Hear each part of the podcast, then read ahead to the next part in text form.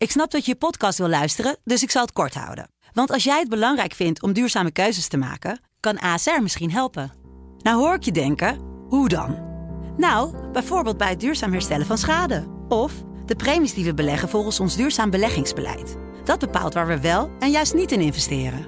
Wil je meer weten over welke duurzame keuzes ASR maakt? Ga dan naar asr.nl slash duurzame keuzes. ASR doet het.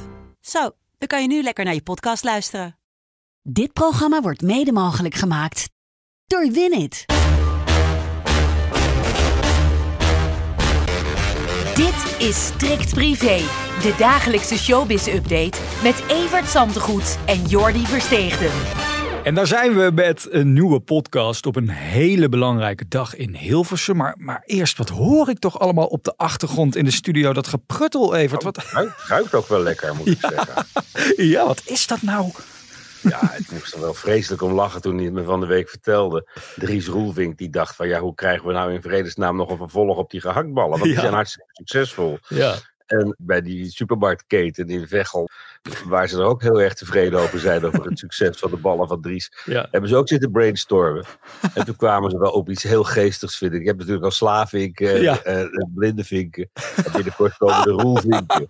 En ja, het is toch geestig Ja. geworden, vind ik. En Ja. Iedereen is enthousiast en blij en, eh, dat ze dit bedacht hebben. Ja. En het, het gaat er wel van komen. En de, drie staat ze nu uit te proberen. Stuurde gisteren een filmpje waarvan je nu de soundtrack Ja. De soundtrack. Luister maar even. Ze spetten er al lekker alle kanten op in de pan in de PC Hoofdstraat daar. Oh, en wat, wat gunnen wij Dries ook gewoon dit, dit succes. Niet alleen op, op, op- met zingen, maar ook gewoon dit. Omdat hij, hij gaat er overal met enthousiasme in. Dat vind ik altijd zo leuk aan hem. Ja, en dan gaat al die winkels af en Ja. overal is iedereen enthousiast. Overal wordt er gele lopen voor hem uitgelegd. En Ja. overal staat hij zijn ballen te verkopen. En ja, dat is toch wel heel erg grappig. Ja. Hij kan straks overal zijn eigen diner gaan organiseren. Want hij houdt natuurlijk ook van lekkere wijnen. Dus dat er ooit een eigen Dries Roelvink Ja, wijn komt. En, en, soep met de ballen van Dries kan natuurlijk ook nog altijd. Dus eh, ja, kan alle kanten op. Hij is van harte welkom hier in de podcaststudio om het allemaal een keer uit te serveren. Wij gaan nog even terug naar Theo Maassen. Want eh, dat verhaal, het tweede deel van dat schokkende dossier, heeft er wel ingehakt gisteren. Hè?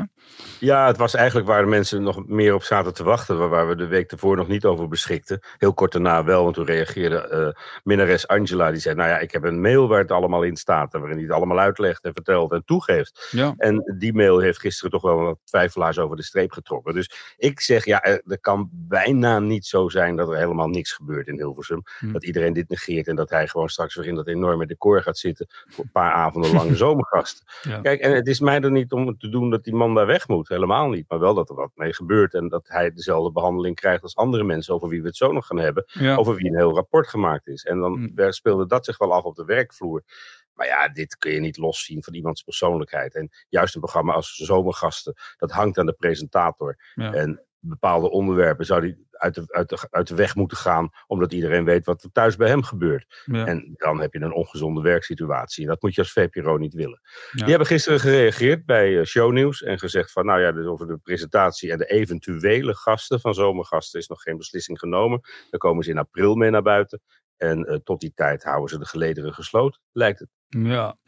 Vandaag gaat het eh, dus in Hilversum, jij blikte er al even kort op vooruit, over ja, heel ander grensoverschrijdend gedrag. Hè? Ooit allemaal begonnen met De Wereld Draait Door en alles wat daar achter de schermen Ja, gebeurde. 14 maanden geleden is het inmiddels dat dat enorme vervolgskrantartikel kwam waarin de demasqué van eh, Matthijs van Nieuwkerk eh, plaatsvond. Ja. Daar is sindsdien heel veel over te doen geweest, maar de commissie die dat ging onderzoeken, de commissie van Rijn, ja, die hebben daar zoveel tijd voor uitgetrokken dat we dus inderdaad 14 maanden verder zijn. Dat heeft er ook mee te maken dat er nog een affaire bij kwam, die rond de studio's NOS Sport en, en Tom Egbers. Ja. Eh, ze hebben met 200 mensen gesproken. Er zijn 2500 mensen die vragenlijsten hebben ingeleverd. En dat vertaalt zich vandaag allemaal in een ongetwijfeld lijvig rapport wat vandaag wordt gepresenteerd. Er is nog weinig over naar buiten gekomen. Ja. Er zijn vier eh, medewerkers die eraan meegewerkt hebben, die eh, gisteren in de Volkskrant vooruit hebben zitten kijken op wat er vandaag zou gebeuren. Die hebben het over, die kondigen wel wat heftige onthullingen aan. En, en verder, ja, het zal een onrustige nacht geweest zijn voor Matthijs van Nieuwkerk afgelopen nacht. Want vandaag wordt denk ik wel besloten over zijn toekomst op televisie. Ja. Ook al heeft hij al een contract bij RTL getekend. Ik ben heel benieuwd wat eruit komt en wat de reactie zal zijn van de betrokkenen.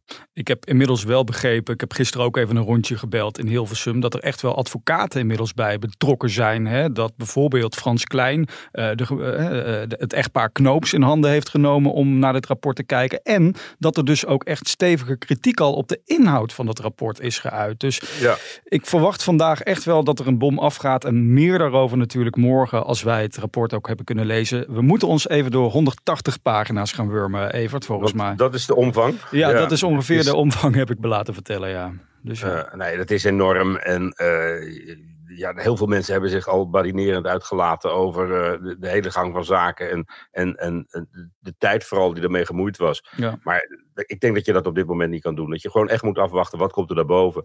En uh, hoe serieus is dat?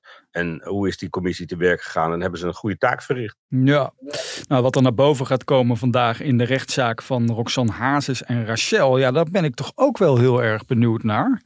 Ze is vandaag net aangekomen, hè, Roxanne, bij de rechtbank in Amsterdam. Ik wilde niks zeggen toen ze de rechtbank binnenliep. Oh, dat was al om een uur of uh, negen vanmorgen dat ze aankwam bij die rechtbank en helemaal niets wilde zeggen. Ja, dit is de dag waar zij enorm tegenop ziet, omdat ze moet gaan getuigen tegen de moeder. En die heeft ze van tevoren gewaarschuwd. Ga me nou niet dwingen om uh, daar te verschijnen als getuige, zegt Roxanne. Want dan gebeuren er alleen maar dingen die niet in jouw voordeel zijn. Nou, Rachel heeft dat doorgezet. Die laat de moeder toch opdraven in die ingewikkelde zaak inmiddels. Die begon over een huurschuld, maar veel meer naar boven gehaald heeft. Ja. Uh, onder andere die zaak met, met die erfenis.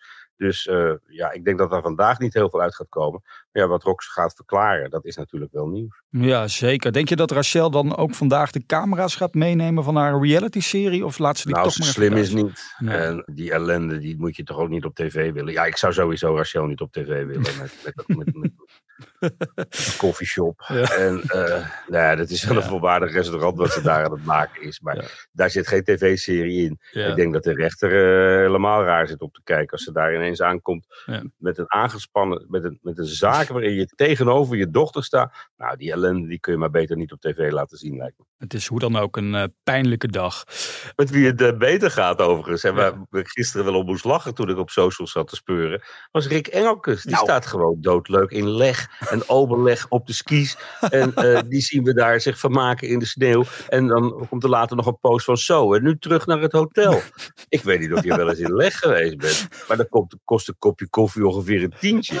En ik dacht dat die man toch nog wat schuld had. Ja. Uh, links en rechts maar ongegeneerd. Ja. En zonder over. Je kan ook gewoon op wintersport gaan en denken: Nou, dat ziet niemand. En de koninklijke familie die me tegenkomt, die, die lullen daar niet over. Ja. Maar hij staat er gewoon open en bloot op de skis te pronken. Dat hij in leg is en nu terug gaat naar zijn hotel. Ja. Dan denk ik, nou, dan heb je het toch ook niet helemaal begrepen. Nee, wat, wat, wat, is hij nog ergens mee bezig om dat geld, die miljoenen, ergens terug te verdienen? Komt hij nog met nieuwe producties of zo? Of? Ja, die staan ook in het uh, theater nu, die Orient. Express en zo. Okay. Uh, dat, dat, doet hij allemaal wel. Ja. En dat zal wel weer een ander potje zijn waaruit hij zijn vakantie betaalt. Maar ja. ja, in de publieke opinie is het toch wel heel raar dat je je je coronaschuld niet kan terugbetalen, maar wel uitgerekend in leg, het koninklijke skioord, ja. op, op de lange latten staat. Dat laten wij zeker niet ondersneeuwen in deze podcast, mensen. We houden de sterren in de gaten.